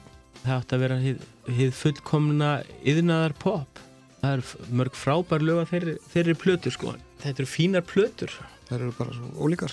Sko, vinnu, vinnubröð okkar eru, eru nokkuð um það sömu út í gegn sko, með, með, að semja lögin og allt það sko. Þetta er allt spurning um eftirvinnslu. Og með þriðju plötuna sko, þá, þá var þetta í raun og veru spurning um að taka frá tíma, gera þetta og ekki eins og við gerum aðra plötuna. Mm. Það sem við vorum á hlaupum og bókandi stúdíu og gátum verið þar í tvota og þurftum að rjúka burt og að þarna átti bara að gera þetta mæta til vinnu með alla grunnana tilbúna og berja það saman svona með pródúsent og fara síðan taka allt upp taka smá breyk og fara svo og mixa allt saman það var gert, tókst ágætlega en það, það ferli hefði ég kannski ekki viljað gera aftur sko Sigurmólunum var bóðið að heita upp á stórtónleikum viðsvegarum heiminn fyrir sveitir á borð við The Cure og B-52s en það var ekki fyrir en írskalljómsveitin U2 bauð sveitin að heita upp á Zoo TV tónleikaferðinni í Bandaríkjunum hösti 1992 að sveitin sló til. Mólarnir heituð upp fyrir U2 á 17 tónleikum sem flestir voru haldnir á stórum íþróttaleikvöngum og spiliðu fyrir um 700.000 manns en skömmu síðar hætti sveitin störfum. Af hverju hætti hljómsveitin á sín tíma? það voru margar, margar ástæður. Jafn margir og hljómsveita meðlemiðir allavega. Það hafði verið stíft? Já þetta var búið stíft þetta var komið gott marguleiti þurftum bara pásu til að sinna öð- öðrum hlutum og, og kannski hefðu við geta haldið áfram í einhverju, ég veit ekki hvernig það hefði verið í raun og veru það segir sér kannski að við vorum búin að vera að gera einhvern hlut sem að, að við lögðum aldrei af stað með að við vildum eða vorum ekki til að sækjast eftir að vera poppljómsund það var svona þrýst á okkur og við tókum því. Já, við tókum því alveg sko. Þetta var bara, bara komið tími. Já, og svo plötu útgáfi fyrirtæki hérna One Little Indian var svona þrýst á okkur að hætta Nei, nei, við, við, við, hérna við gerðum sko eiginlega stærstu hljómleikaferð sem að nokkur íslensk hljómsveit hafði gert þá. Við fórum á hljómleikaferð með U2 og spiluðum sko á Stadium Rock í bandaríkjunum með U2 á mjög fítni ferð. Mhm. Þannig að það er ekki eins og við höfum verið að spila af sjúkrabeði. Þú veist, þó, þó að við hættum að spila saman sem hljómsveit þá heldum við áfram að vera þeir vinir sem við vorum. Og það held ég að skipti kannski mestu máli að, að, við vorum aldrei sko, hvað í tónlistarlegu sambandi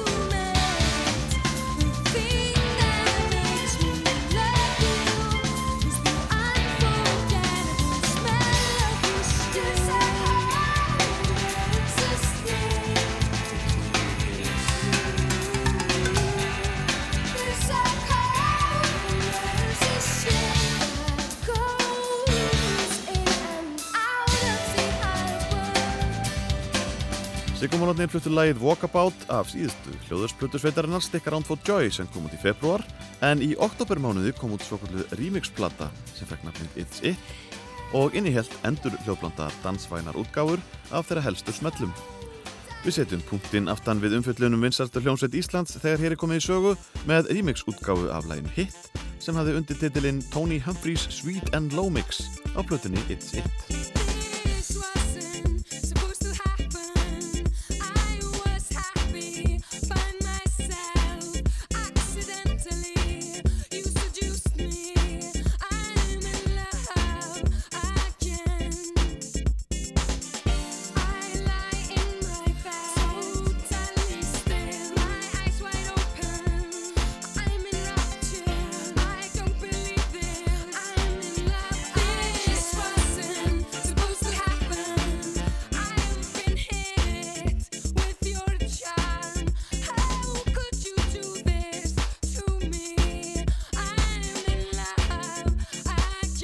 Árið er 1992.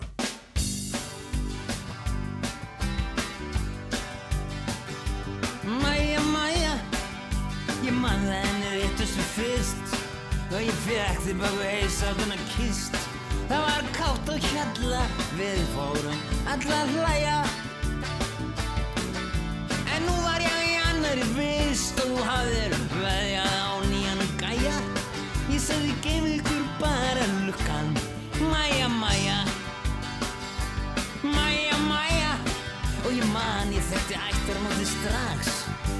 stalst þess að kíkja árla dags. Jú, ég var einatt snuðrandi. Að leita hræja. Sem var mér þó um síður til gags. Og þó þú frjósi föst á milli bæja. Ég fer en að ég kem til þín að lokum. Mæja, mæja. Megas vann plötuna þrjá blóðdrópa með Hilmari Erni Hilmarsinni og Guðlegi Óttasinni og gekk vinnan hratt fyrir sig. Nokkur textar á plötunni fóru fyrir brjóstið á fólki, engum textilagsins Kvöld í Allavík. En Megas sagði í viðtali að það mætti ekki draga beina línu milli hans og umfjöllunarefnis í textunum. Þetta væri skáldskapur, þó sumt væri endurspeglun á veruleikanum. Gaman sem í Guðana fekk þó nokkra spilun, en þar söng Megas um það hvernig maðurinn er leiksoppur Guðana, sem leiðist tilbyrningasnöð eilíðin og nota mannin eins og hvert annað leikfang til að stytta sér stundir. Menn hugsa sér takmark þeir Telja að vel sjá það Þeir sæki sig veðrið Þeir setja allt sitt traust á það. Þeir gína yfir áformum en guðnir Þeir ráða. Og áformin voru svo heillandi Það var harðla léttlegur brettur sem gekk að þeim degðum en hann var guðlegur og nettur. Já, sem brá fæti Fyrir þig voru örlaga glettur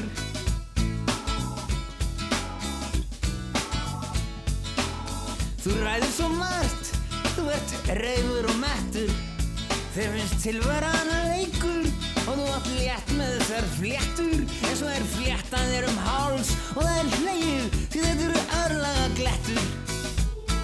Gaman sem í Guðana, það má segja bara kongur við sigla en byr minn ráða og um það fjallar sér texti og sýnir hversu hláleg manneskan er að vera. Börðast þetta Guðnir reykina þumælinn en svo trinn þá er svo og bara vestallum koll. Árið er 1992. Haugur Mortens, einn ástsælasti dægurlaga söngvari landsins, lest á heimili sínu 13. oktober 1992 af veldum krabbamins, 68 árað aldri. Haugur hafði starfað með öllum helstu tónlistarmönnum landsins og var vinamarkur en það var svo margt um mannin í bústæðakirkju að það fór ekki að milli mála að þarna var merkur heiðursmaður kvattur í hinsta sinn. Þú komst til að kveðja í gær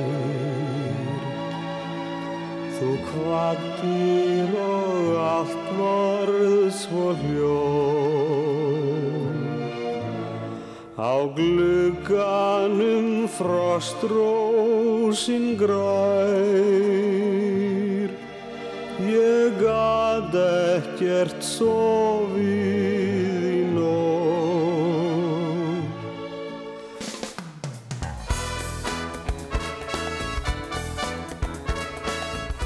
Tíumanna hljómsveitin Circus Babalú var stofnuð sem skólahljómsveit í mentaskólanum við Hamrahlíð og kom samnefnd lag út á saflutinu bandalu fjögur í sumarbyrjun.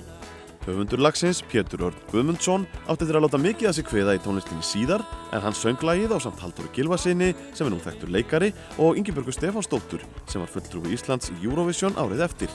Meðal annara liðsmanna voru Þorkell Hreiðarsson og Freyr Eyjólfsson en þeir stofnuðu síðar hljómsveitina Gerfuglana á samt Halldóri og fleirum.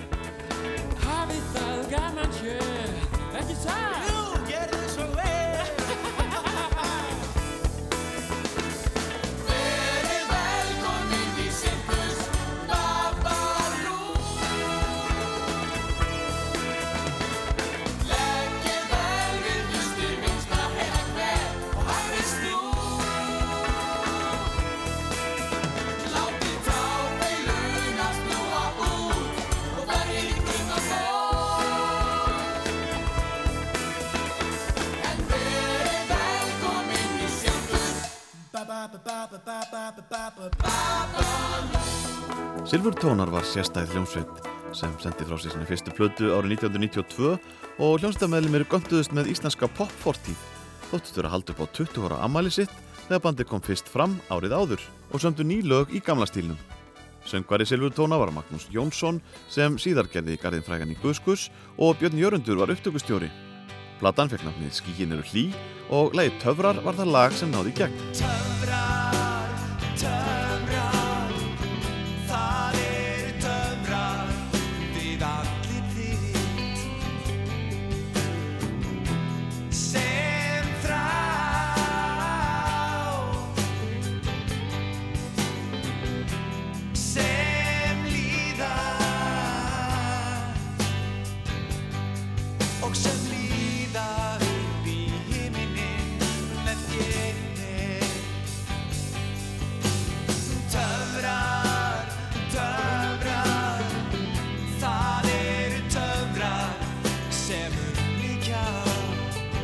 Árið er 1992.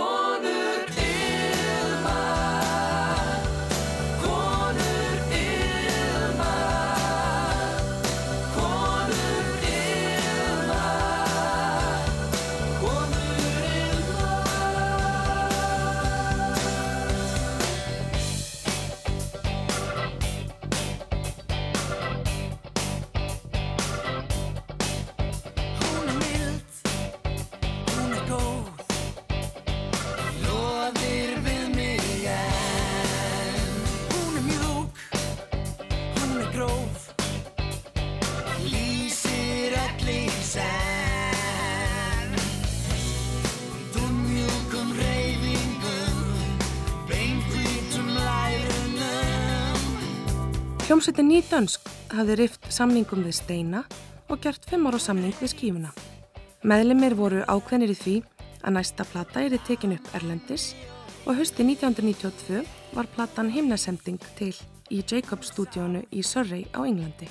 Það sem ekki ómerkari sveitir en The Police og The Smiths höfðu hljóðritað mörg sín bestu verk. Þetta byrjuði að vinna með Ken Thomas en Ken svona kom með ákveði vinnubröð þarna, það voru leiðir bara þeir gítamagnara sem að til voru í hverfinu og, og þeir gítarar sem voru ekki til í safni Stefáns þeir voru bara leiðir og hann læði mikið upp úr því að það væri nóg til af hljóðfærum og allir karakterar og hann svona bara komið aldrei nýtt sound á hljómsveitina þetta var kannski svona svolítið hérna já, hann fórum við að sounda aldrei vel fannst mér.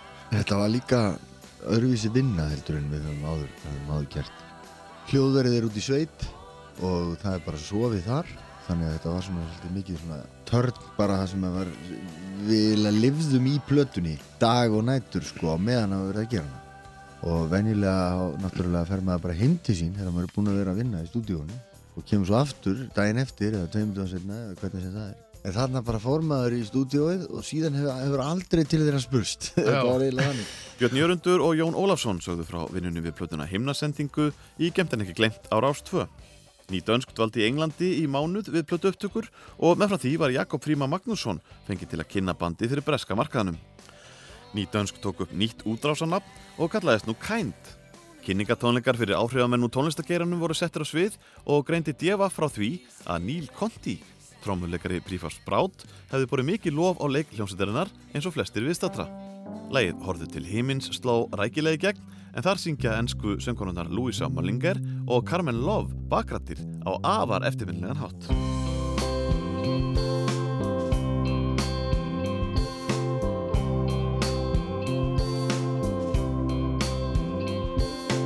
Bölmóðsíkju brestir bera vottum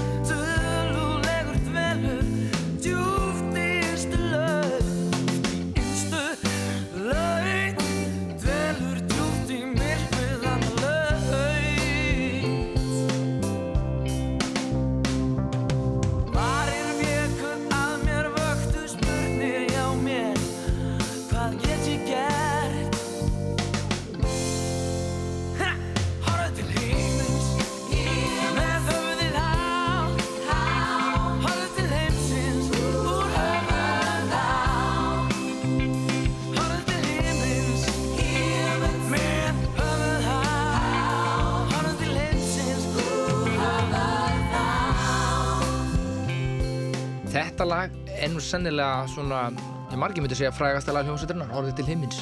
Þetta var samstundis, ég man alveg eftir því þegar þessi plata kom út. Þá var þetta lag bara alveg um leið. Ekki bara gargati smöður, heldur bara uh, nánast þjóðlag. Það sungu þetta allir, það kunnu þetta allir.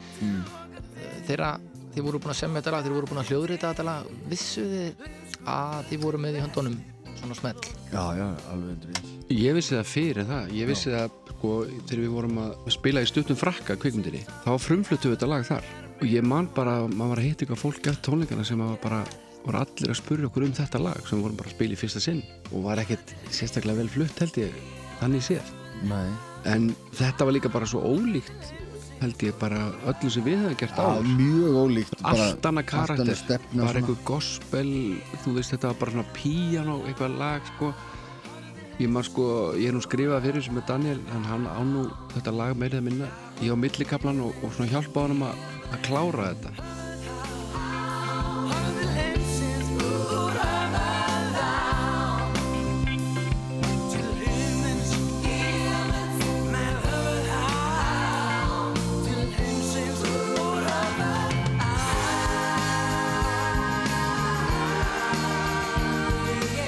Árið er 1992.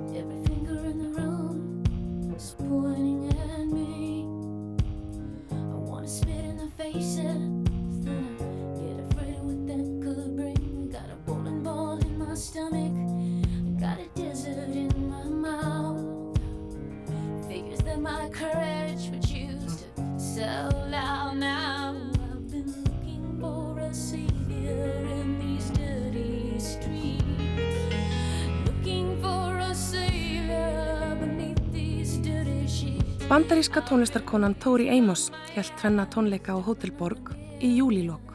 Tori Amos setti tvær kröfur þegar tónleikaferðalagið var skipulagt að fara til Ísraels og Íslands. Hún sagði við morgunbladið að fyrstu kynni hennar af Íslandi hefði verið þau að vinkona hennar hefði spilað sigurmólana daginn út og inn. Tónleikarnir voru einstaklega velhefnaðir og Tóri spilaði fyrir fullu húsi bæði kvöldin. Á listaháttíð Reykjavík var bóðið upp á Gypsy Kings í Laugardarshöll og bandaríska söngkonan Nina Simone hjælt jazz tónleika í Háskóla bíói.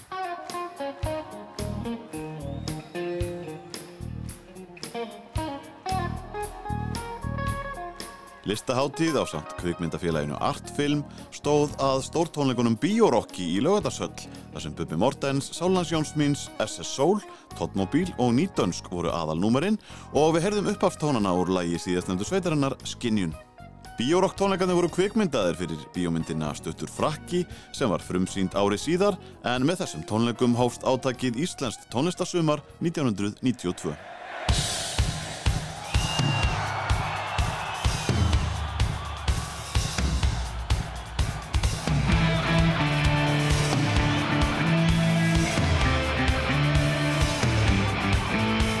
Enska þungarafljónslinn Iron Maiden hjælt tónleika í Laugardalshöll. Alls voru 3000 gestir í höllinni en morgunblæði greindi frá því að aðeins 2000 manns hefðu greitt aðgangseyri og var mikið tap á tónleikunum. Söngvarinn Bruce Dickinson var í miklu stuði og hafði áærendur í vasanum frá upphafi tónleikana til enda eins og tónleikarínirinn Átni Mattiasson sagði í dómi sínum í morgunblæðinu.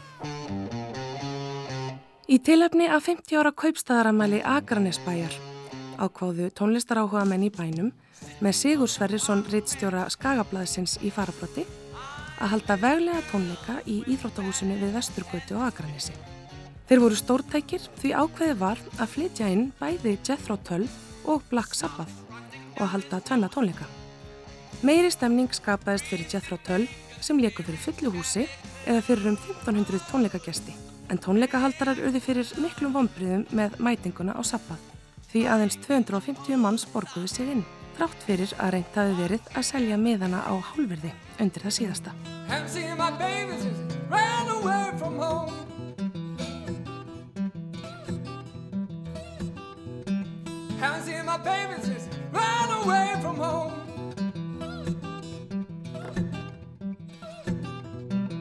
Got nobody tell me when I'm letting go.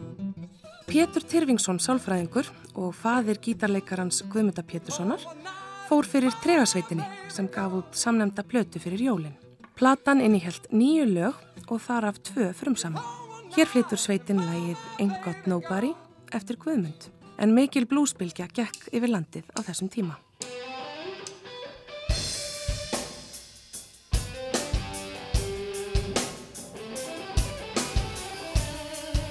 Þann 27. mars 1992 hjælt Tóttmóbíl tónleika í Íslensku óperunni sem var eins konar heimavöllur hljómsveitarinnar. Tónleikarnir voru sögulegir vegna þess að þeir voru teknir upp og gefnir út á hljómplötu sem nefndist einfallega 2603. Þar voru vinsarstu lögsveitarinnar flutt lífandi og eitt þeirra var lagið Stelpurokk sem kom uppalega út á fyrstu plötunni betra en nokkuð annað en á plötunni voru líka fjögur ný hljóðverslög sem ekki höfðu komið út áður. Hljómsettin hafði engöku gert út á tónleikamarkaðin en um sumarið 1992 hóna spil á dansleikjum og Þorvaldur Bjarni Þorvaldsson fræðir okkur um hvernig það kom til. Það einfallega þróaðist þannig að við fórum strax í tónleikaferðir þannig að við keirðum uh, kringum landið, bara vorum með stóra rútu og, og uh, hérna, heilt krjúa fólki með okkur og, og það allt saman og að halda tónleika á, á þessum uh, stöðum út um all land það, ég meina þú ert mjög góður eða koma 150-200 manns, það er bara alveg frábært. Og það segir sér sjálft að þegar þú ert með svona stóra útgerð þá er svolítið erfitt að borga öllu laun ef, ef þú gerir bara þetta. Þannig að í rauninni þá höfðu strákarnir í hljóð og ljósatildinni svolítið áhrif á okkur. Akkur prófið ekki að taka eitt balli hérna á Akureyri meðan við erum með tónleika? Og við gerðum það og þá bara komið ljós að við eh, áttum erindið ángað að það var fullt af fólki sem langaði að koma á böl þannig að þetta var það svona bara aðal starfi okkar. Þannig að við störfiðum bara á áskrundulli við að spila og það náttúrulega breytti heilmiklu. Eitt nýju lagana á tóttmóbílplötunni 2603 var lagið Lommir að sjá eftir Þorvald Bjarna við texta Andriðu Gilvardóttur.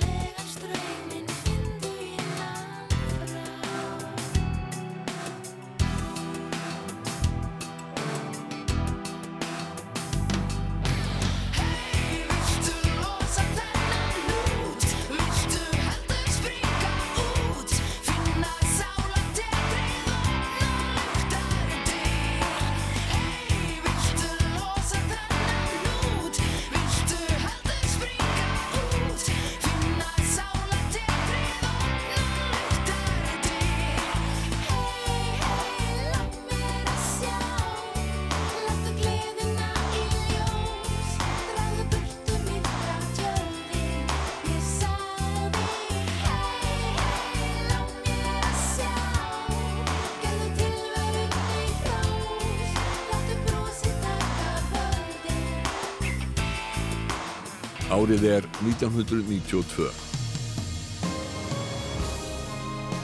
Söngakeppnin Landslægið var haldin í síðasta sinn árið 1992. Keppnin hafði verið haldin frá árinu 1989 og þetta árið fórum fram í Sjallanum á Akureyri. Þorvaldur Bjarni Þorvaldsson stjórnaði hljómsveitinni á sviðinu og sigurlægið var Ég man hverja stund eftir Jón Kjell við texta Jónasar Friðriks. Pálmi Gunnarsson og Guðrún Gunnarsdóttir fluttu lægið. Ég man hverja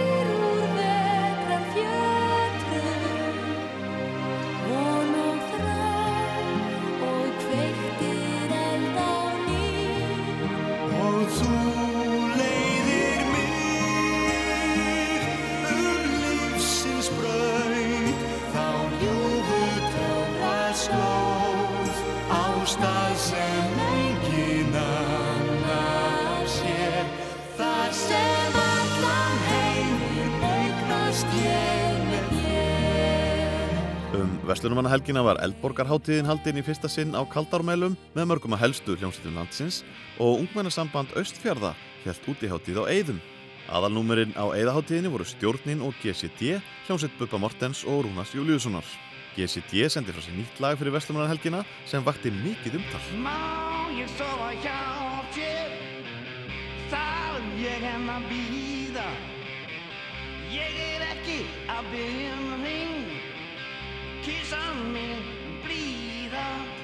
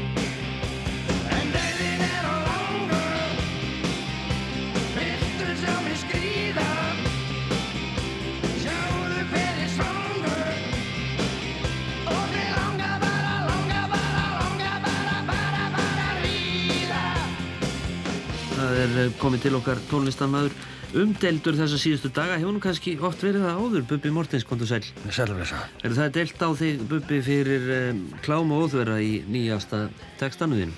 Já, ég, eh, mér þykir það voru leiðilegt. Ég ætlaði nú ekki að, að hvorikja að styggja þjóðarsálinna eða særa blíðunarkjönd fólks. En það hvarlaði nú ekki að mér hvað árið 1992 að fólki þætti orði ríða eitthvað gasalegt. Ég er mjög hlessa. Ég hef notað þetta orði í textum frá 1980 og hérna, ég eh, er pingulítið orðlaus vegna þess að hérna, þetta er nú það orð sem oftast er notað yfir þá aðtöftiða fólk fyrir saman í rúmið. Ég vil nú frekar syngja um að ríða en að syngja um ofbeldi og, og, og bá svona kannski gæði eitulifja og svo framvegis. Og ég tel þetta jákvæðir hlut, mér finnst þetta að vera svona svipa bara að borða, sko. Ég er svangur, mér langar að ríða, ég, ég sé engan greinamun á þessu og hérna kannski er það vegna þess að, að hérna ég hef aldrei verið alin upp við það að það væri eitthvað ljótt við þetta orð. Þarna heyrði Sigur G. Tómasson spjalla við Bubba í dægumalótarpinu á Rás 2 og undir hljómar hið umdeldala GCD sem aldrei hefur verið gefið út. Árið er 1992.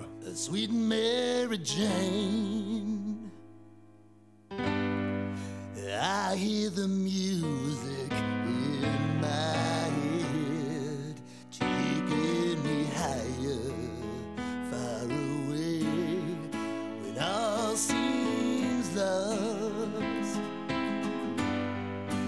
I hear you whispering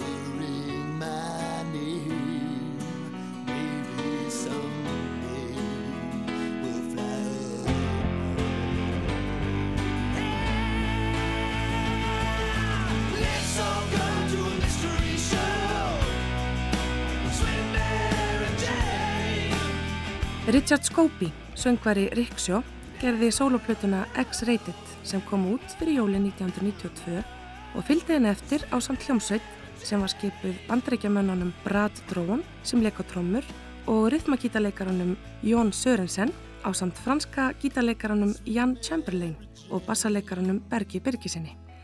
Þeir heldu útgáfi tónleika í tunglinu í lok november en boðsmiðin var kross í leðurbandi.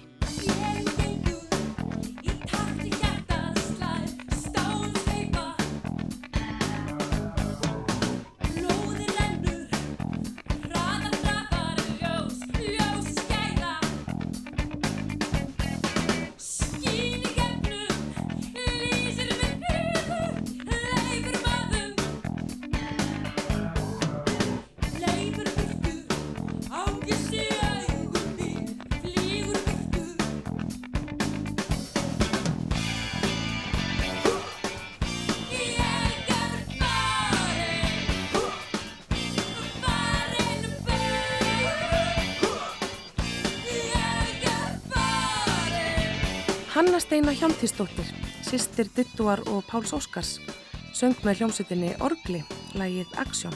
Orgill hafði verið til í þrjú ár þegar fyrsta og eina stóra platan kom út, en hljómsutarmeðlimir slóu viksil og gáfu plötunót sjálfur.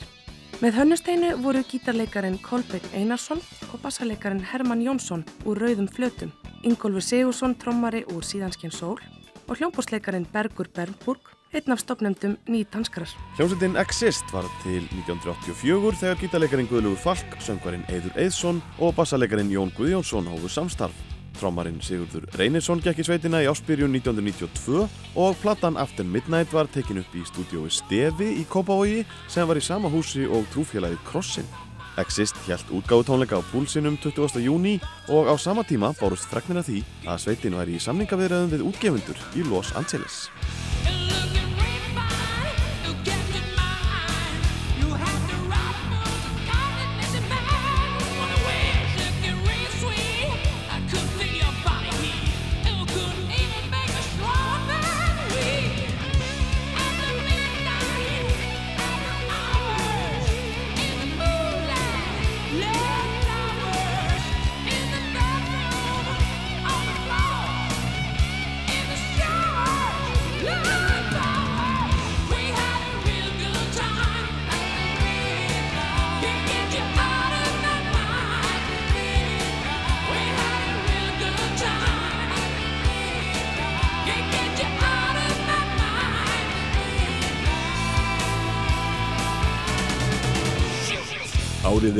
1992.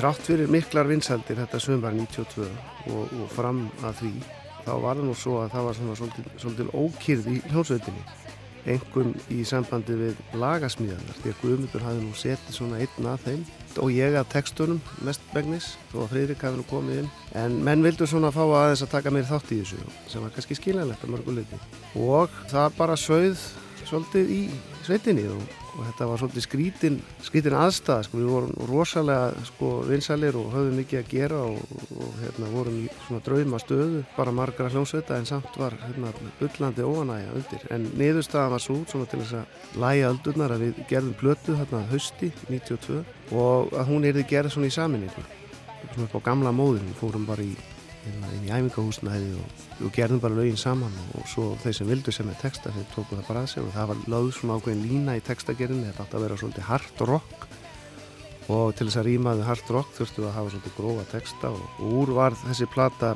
þessi þungu högg sem var náttúrulega algjör já, nánast bylting fyrir okkar áhangendur sko.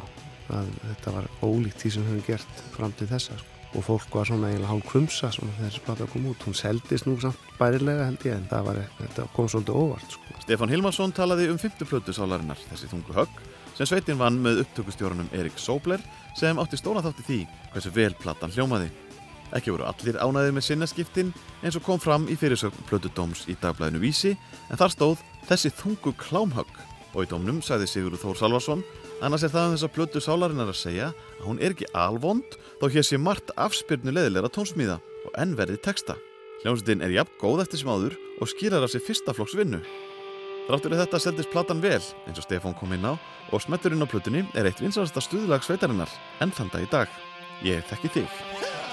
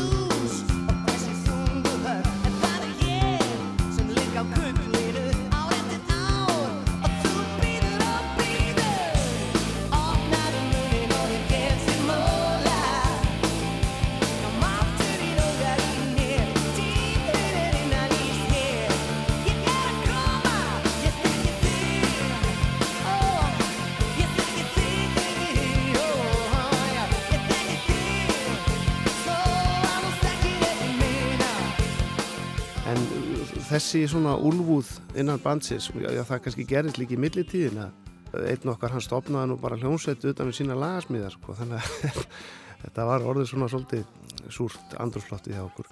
En þetta var svona eiginlega til þess að í kjölfæri þá sprakk bandið sko, og lagði bara niður störf. Já, það var í tvö ár sem við komum ekki saman aftur. Sko. Þetta menn þurftum bara, menn voru búin að vinna rosalega mikið saman og náið, eiginlega ég, ég, Guðmundur, Friðrik og Jens, nánast linnulöst frá ársbyrjun 89 og spilum rosalega mikið, við vorum veist, með kannski þrenna verna, fimm tónleika í viku sko. Þannig að bandið svona, já, sprakk hálpartinn hann í árslokk á þess að það væri nú mikil hlugaldasýning í kringum það, við svona bara höfðum hægt um það. Það var við gáðum aldrei út neina tilgjengu þess efnis að hljómsið væri hægt, að því að við svona tólkum þetta frekar bara sem hýði, eitt af mörgum hýðum sem við skriði í. Með þessari plötu var lokið litríku fjögur ára tímabili sálarinnar hans Jónsmins. Sveitin var meira eða minna í fríi næstu tvö ári. Stefán talaði þarna um hljómsveit sem einn af meðlimum sveitarinnar hafi stopnað fyrir lagasmíðar sínar en það var bassaleikaran Friðrik Sturluson. Það urði Friðriki mikil vonbriði þegar lögum sem hann færði fram á fundi sálarinnar var hafnað. Hann vildi gera eitthvað með lögin og stopnaði hljómsveitina Fríðu Sársauka. Í hljómsveitinni voru meðal annara söngkonan Kristjana Stefansdóttir og leikarin Andri Klásen sem hafði verið í hljómsveitinni Andrjú á sínum tíma. Hann lést langt fyrir aldur fram árið 2003 en þess má geta að dóttir hans, Agnes Björt, syngur með hljómsveitinni Sigur. Fríða Sársauki starfaði með hljum til ársins 1993 og plötunni Lagasafninu 5 sem kom út árið 1996 voru þrjú lög sem tekin voru upp lifandi árið 92 og eitt þeirra, Líknarmorð, hljómar hér undir.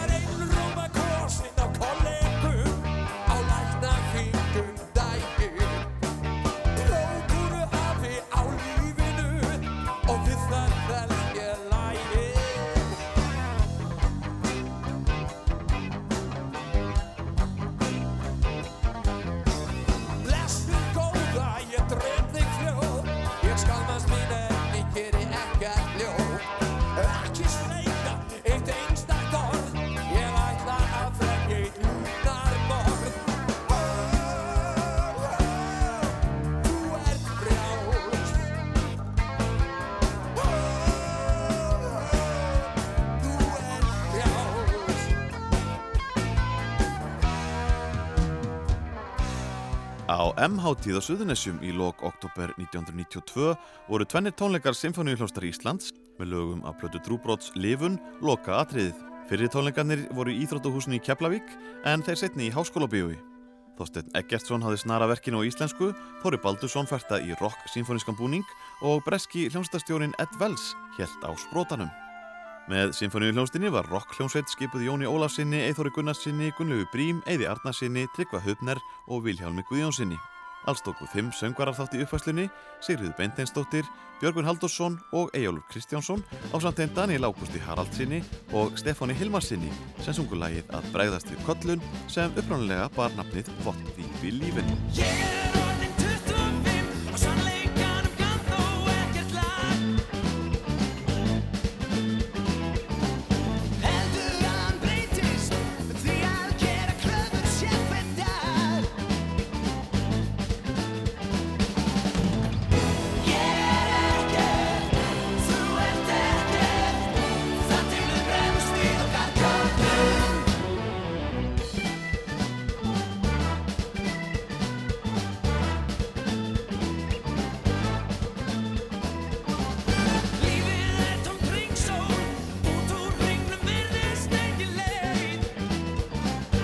Árið er 1992. Plötuvertíðin þetta árið var nokkuð merkileg því Sálinan Sjónsmýns og Bubbi Mortens þurft að láta í minnipokan fyrir Kristjáni Kristjánsinni sem tók toppsætið á samt KK-bandinu.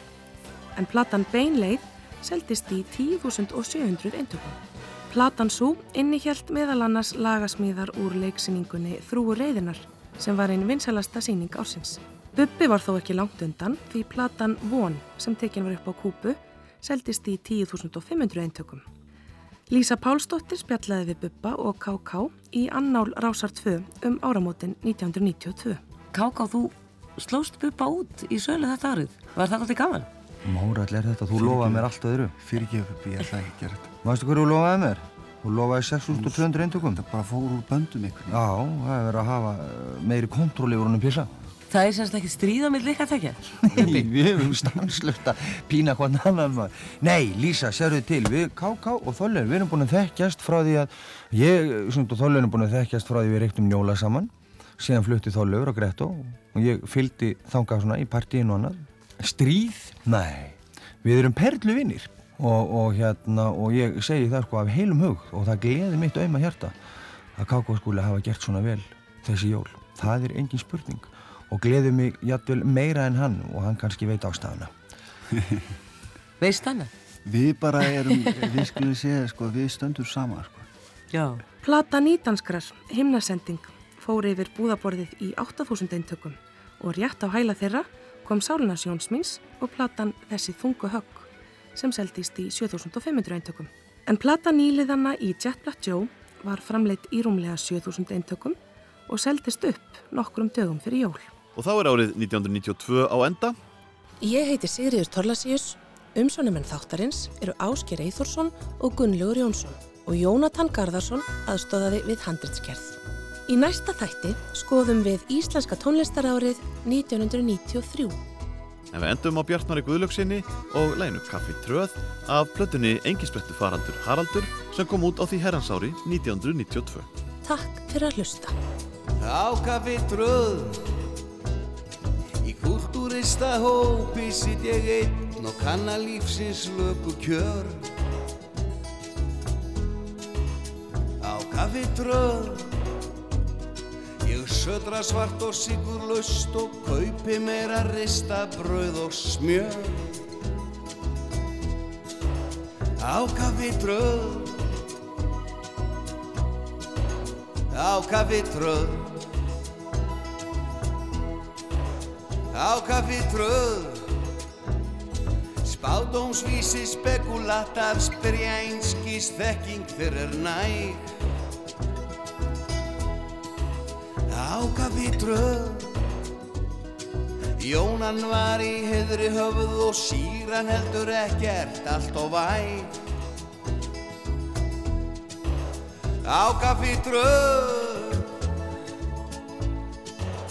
Ég lærði ljóð sem létt svo vel í munni ljóð sem engin annar kunnum Haminguna harðærið og gvöð Svo utan við mig einmanna og austfiskur ég sitt á kaffitröð.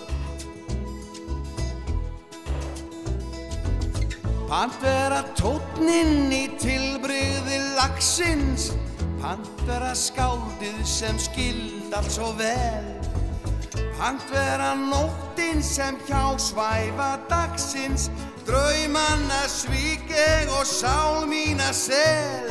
Ég vil verða þúrbergur, ég vil verða lagsnes Pant vera Lenín en þú mátt vera Marx Því nú er komin önnur tíð með ástafuru tæ og telefax